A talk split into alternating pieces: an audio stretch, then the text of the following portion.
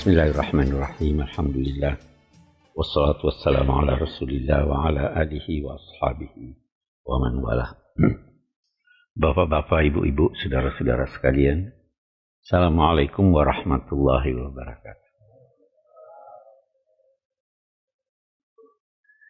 Eh, yang pertama begini.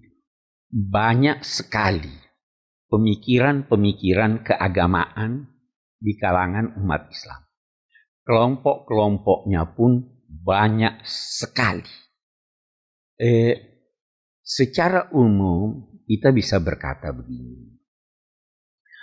Kita harus membedakan antara agama, ilmu agama, dan pengamalan agama. Kita harus bedakan antara cahaya, orang yang mendapatkan cahaya itu, dan ilmu yang berkaitan dengan cahaya. Itu berbeda. Agama sudah muncul sebelum munculnya ilmu-ilmu keagamaan. Saya beri contoh. Sekitar tiga bulan sebelum Nabi wafat, turun firman Allah Al-yauma akmaltu lakum dinakum. Hari ini sudah kusempurnakan agamamu. Jadi agama sudah sempurna waktu itu atau belum? Agama. Waktu itu sudah ada ilmu fikih. Sahabat-sahabat Nabi itu tidak tahu ilmu fikih. Karena nanti kemudian baru dilahirkan.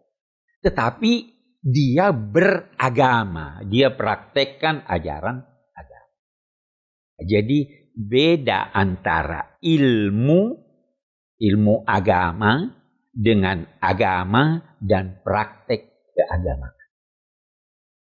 Ada orang menganut agama tetapi tidak punya ilmu agama. Ada enggak itu?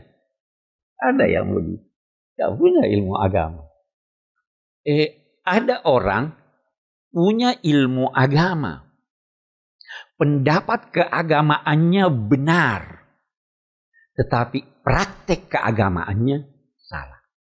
Saya ada dapat SMS tadi itu eh, berkata begini, saya janji saya, saya mau eh, singgung malam ini. Dia katakan begini, itu pandangan keagamaan Sayyidina Ali beda dengan pandangan keagamaan Muawiyah. Dan dia bilang hanya ada dua ini saja, tinggal pilih salah satu dari dua. Saya jawab pintas. Saya katakan tidak cuma dua. Banyak yang lain. Saya akan beri contoh dari sejarah yang ini berlanjut sampai sekarang. Pendukung-pendukung Sedina Ali yang kemudian dinamai Syiat Ali itu beranggapan bahwa yang berhak menjadi pemimpin harus dari keluarga Rasul Shallallahu Alaihi Wasallam. Ya kan? Terjadi perselisihan antara Sayyidina Ali dan kelompoknya dengan Muawiyah. Muawiyah itu dan kelompoknya berpendapat bahwa tidak harus dari keluarga Nabi. Yang penting dia orang Arab. Ada dua pendapat. Berlanjut peperangan antara Sayyidina Ali dan eh, eh, Muawiyah. Kemudian timbul dari kelompok Sayyidina Ali kelompok lain yang dinamai Khawarij. Ya kan? Khawarij mengecam Sayyidina Ali. Tidak benar kamu Kenapa mau terima itu eh, arbitrasi itu? Sebenarnya, nah kita lihat pendapat keagamaan nih sekarang itu. Sebenarnya siapa pun boleh menjadi pemimpin suatu masyarakat. Apa dia keturunan Ali, atau dia orang Arab, atau bukan orang Arab. Sekarang ada tiga pendapat nih, kita lihat kita sampai sekarang. Menurut kita sekarang, yang mana yang paling benar? Yang ketiga ya, Bagus. Mayoritas berkata yang ketiga. Saya juga berkata yang ketiga karena saya bukan Syiah. Kalau saya Syiah berkata itu, ya kan? Tapi mayoritas berkata ini pendapat keagamaan yang diterima oleh mayoritas. Ya kan? Tetapi bagaimana keberagamaan penganut pendapat yang benar ini? Bagaimana dia bersikap? Sikapnya kafir. Takfir. Ya kan? Pendapatnya sebenarnya benar. Tetapi dia mengkafirkan. Kafirlah Abu Bakar, kafirlah Umar, kafirlah Ali, kafirlah ini. Sampai sekarang kafirlah Quraisy Shihab. Ya kan begitu. Itu jamaat takfir. Bahkan sampai kepada pembunuhan. Walaupun pendapat keagamaannya benar, tetapi sikapnya beragama tidak benar. Ada tulisan dari seorang eh, filosof muslim. Dia katakan begini, bagus sekali. Dia bilang, ada istilah tafkir. Tafkir, pemikiran. Ada istilah takfir. Ya, dia bilang sebenarnya itu bedanya sedikit sekali. Bedanya takfir, kafnya didahulukan atas fa. Ya, tafkir Faknya lebih dulu dari kaf. Kalau Anda tidak tepat menempatkan suatu huruf, Anda bisa-bisa berpikir tetapi hasilnya takfir. Ini yang banyak. Eh, eh, sebenarnya orang-orang khawari takfiri itu itu dalam praktek ibadahnya istimewa. Lebih istimewa dari kita. Puasa Senin Kemis. Bangun tahajud. Itu yang bunuh Sayyidina Ali itu puasa Senin Kemis. Hafal Quran. Tetapi dia terbalik dari tafkir menjadi mereka itu bersikap sangat keras sampai-sampai kalau dia bertanya pada seseorang lantas dia anggap itu muslim yang bukan dari kelompoknya, dia bunuh. Itu khawarij. Itu dulu. Jadi banyak orang, banyak orang muslim yang berbeda pendapatnya dengan mereka mengaku non muslim. Kenapa? Karena mereka tahu kelompok khawarij ini tahu kalau non muslim harus dihormati. Wa in ahadum minal musyrikin astajaraka ajirhu hatta yasma'a. Kalau ada seorang musyrik yang minta perlindungan pada kamu, maka lindungi dia. Nah, jadi daripada saya dibunuh, udah deh saya saya non muslim, saya ini. Faham tetapi prakteknya ini berkembang. Ulama-ulama kita dulu berpegang dalam sekian banyak eh, diskusi dalam sekian banyak pembahasan mereka antara lain pada hadis Nabi umatku akan berkelompok-kelompok menjadi 73 kelompok yang selamat cuma satu ya siapa yang selamat itu ma'ana alaihi wa ashabi yang sikapnya seperti sikap U dan sikap sahabat-sahabat. Bagus. Itu dulu mereka kumpulkan kelompok ini, kelompok ini, kelompok ini, baru yang selamat kelompoknya. Dari dulu mereka mengklaim bahwa mereka lah yang paling sesuai dengan Nabi. Sekarang ada kelompok seperti itu ingin mengembalikan kita harus persis sama sama Nabi. Sehingga kalau Nabi tidak mengamalkannya itu tidak boleh. Istilahnya kalau Nabi tidak amalkan itu bid'ah. Lahirin bid'ah. Bid'ah. Kullu bid'atin dolal. Saya punya guru, ini saya punya buku. Ini yang kita pelajari dulu di Azhar. Ini ditulis oleh Syekh Abdul Halim Mahmud, Syekhul Azhar. Mimpin tertinggi Al-Azhar atau kalau mau katakan pemimpin tertinggi kelompok Ahlus Sunnah. Dia katakan begini, 73, sekarang udah lebih 73. Syekh Muhammad Abdul itu berkata, jangan sampai kita sudah tidak termasuk di kelompok ini. Yang 73 udah habis, yang satu juga udah habis. Kita sudah tidak lagi. Kita aja di Indonesia berapa kelompok sudah. Di sini dia katakan kelompok Syiah aja ada 73. Jadi bagaimana? Bagus dia ada sekian banyak uraiannya. Salah satu ya dan ini yang menjadi pegangan kami nih. Kami itu di pusat studi Al-Quran Salah satu prinsip kita, kita menghormati semua pendapat. Tetapi penghormatan tidak berarti menyetujui. Ya kan? Dia Syekh Abdul Halim Mahmud berkata apa? Dia bilang ini hadis tidak diriwayatkan dalam salah satu dari kedua kitab hadis yang sahih. Tidak ada di Bukhari, tidak ada di Muslim. Eh, selanjutnya dia katakan anna sya'rani fi mizanihi qad rawa min hadis ibn najjar wa sahhahu al-hakim bilafz sataftariq ummati ala nayyifin wa sab'ina firqa kulluha fil jannah illa wahid.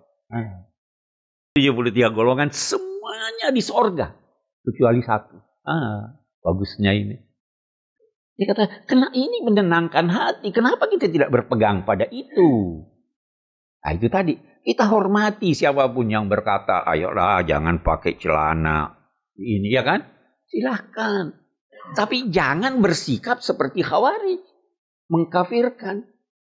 Apalagi bisa jadi kita berbeda-beda.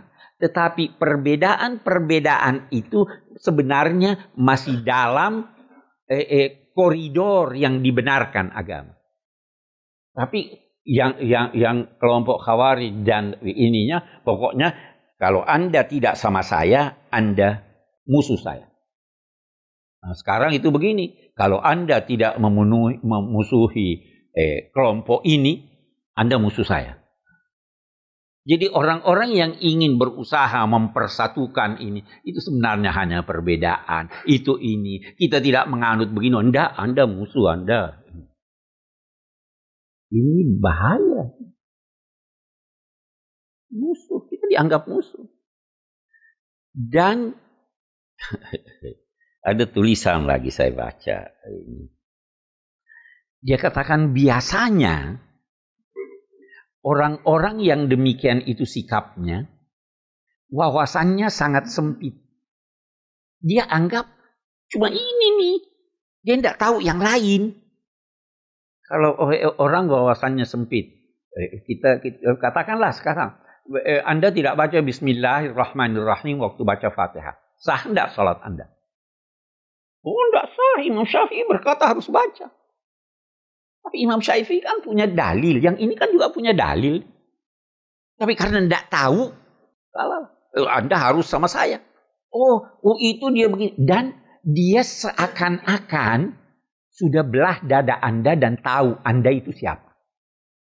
Nah, ini yang terjadi sekarang. Oh itu Quraisy itu takiyah. Dari mana dia tahu? Nah, kata Zaki eh, eh Mahmud, filosof di Mesir, dia bilang biasanya orang-orang yang semacam ini wawasannya sangat sempit dan selalu curiga.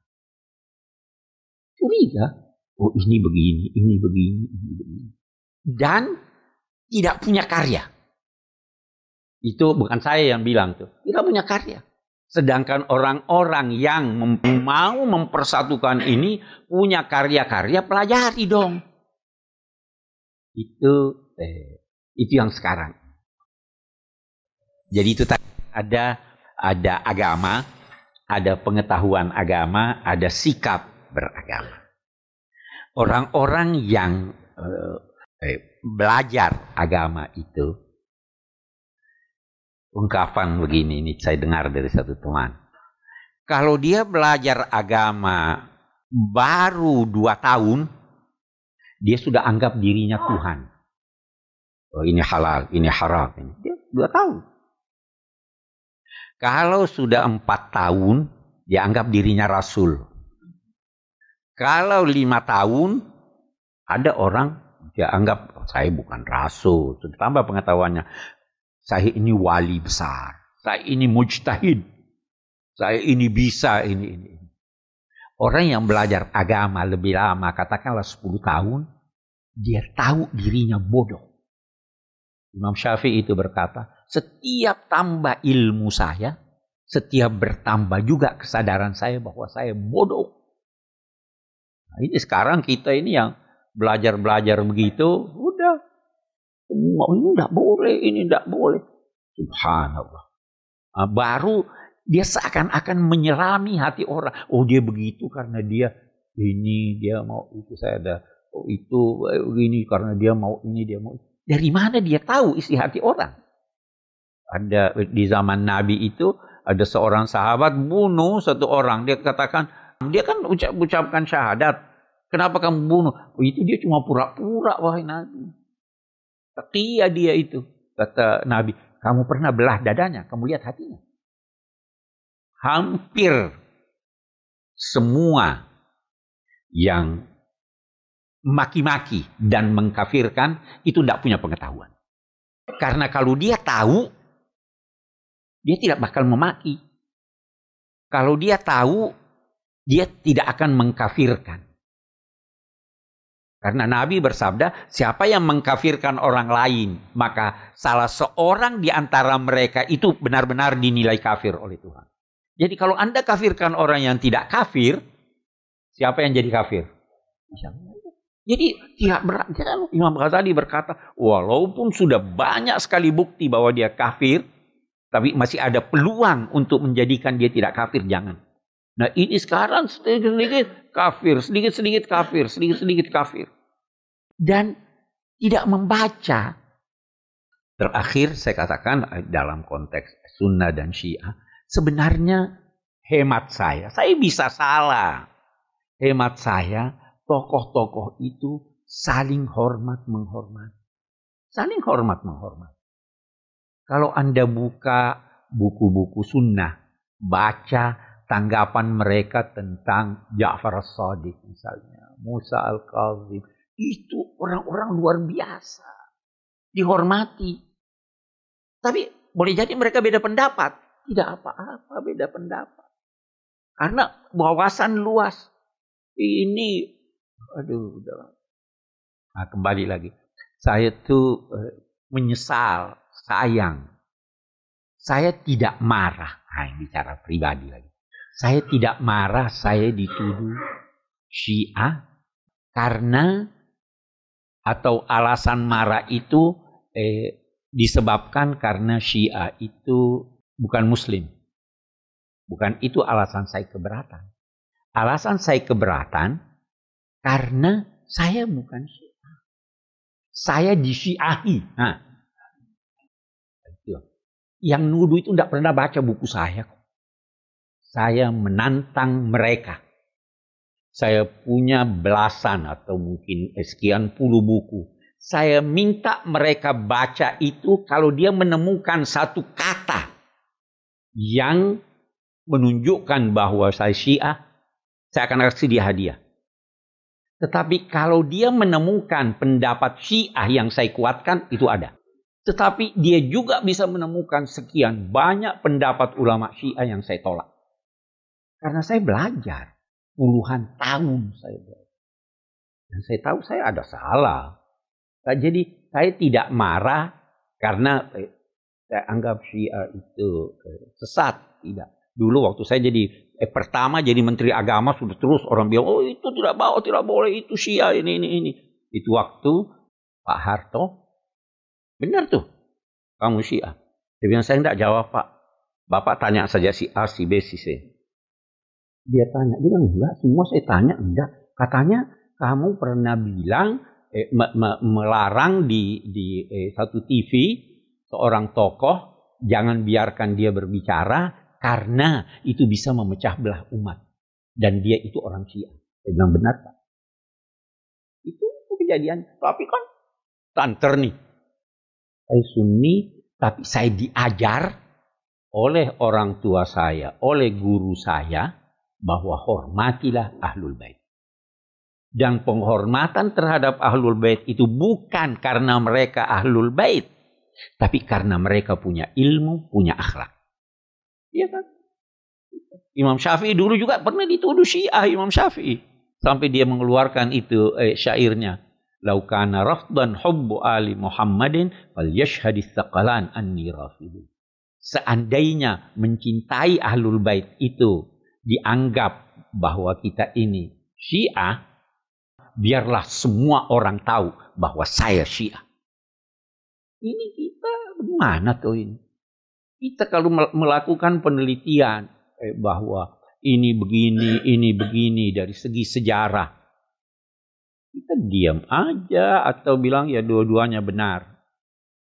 Kita berkata oke okay deh diserahkan saja pada Tuhan. Itu yang diajarkan. Nah, yang diajarkan di sini oleh ini guru saya ini salah seorang yang sangat saya sering Allah yarham Syekh Abdul Halim Mahmud ini sebelum jadi Syekh Azhar dia dekan Fakultas Usuluddin. Orangnya sangat rendah hati. Saya sering naik bus sama dia. Itu dia ajar kita. Dia ahli filsafat. Saya cerita sedikit. Dia ahli filsafat. Pernah dalam suatu eh, majlis dia mengajar. Dia katakan begini. Dia ahli filsafat tapi sufi. Dia ajar kita begini. Akhirnya nih. Eh, saya akan menjelaskan pada kalian satu masalah. Siapa yang memahaminya pertama kali, mohonlah perlindungan kepada Allah. Siapa yang baru faham setelah dua tiga kali, bersyukurlah dia. Wah, kita ini heran nih. Ada yang bertanya, mengapa begitu? Dia jawab, yang faham pertama kali berarti dia ada kecenderungan untuk berfilsafat. Dan filsafat itu bisa menjerumuskan. Karena sangat mengandalkan akal. Tapi yang tidak, eh, itu berarti dia tidak punya kecenderungan. Jadi ini orang sangat-sangat eh, eh, ahli tasawuf, tapi sangat cinta pada ahlul bait. Dia punya ini apa yang saya sampaikan ini adalah ajaran beliau. Ini di sini penuh dan dia berkata bahwa Syiah Imamiyah itu muslim. Perbedaan kita dengan mereka pada dasarnya adalah soal politik. Bukan soal akidah. Walaupun rumusannya beda. Itu yang saya tulis di buku Sunnah Syiah bergandengan tangan ada kritik di situ. Ah, tapi saya katakan jangan dibaca oleh orang yang masih menuduh bahwa ini ditulis oleh orang yang bertakiyah. Ada di sana. Nah, sekarang itu oh itu takiyah itu. Jadi dia bilang, apa keuntungan saya mau takiyah?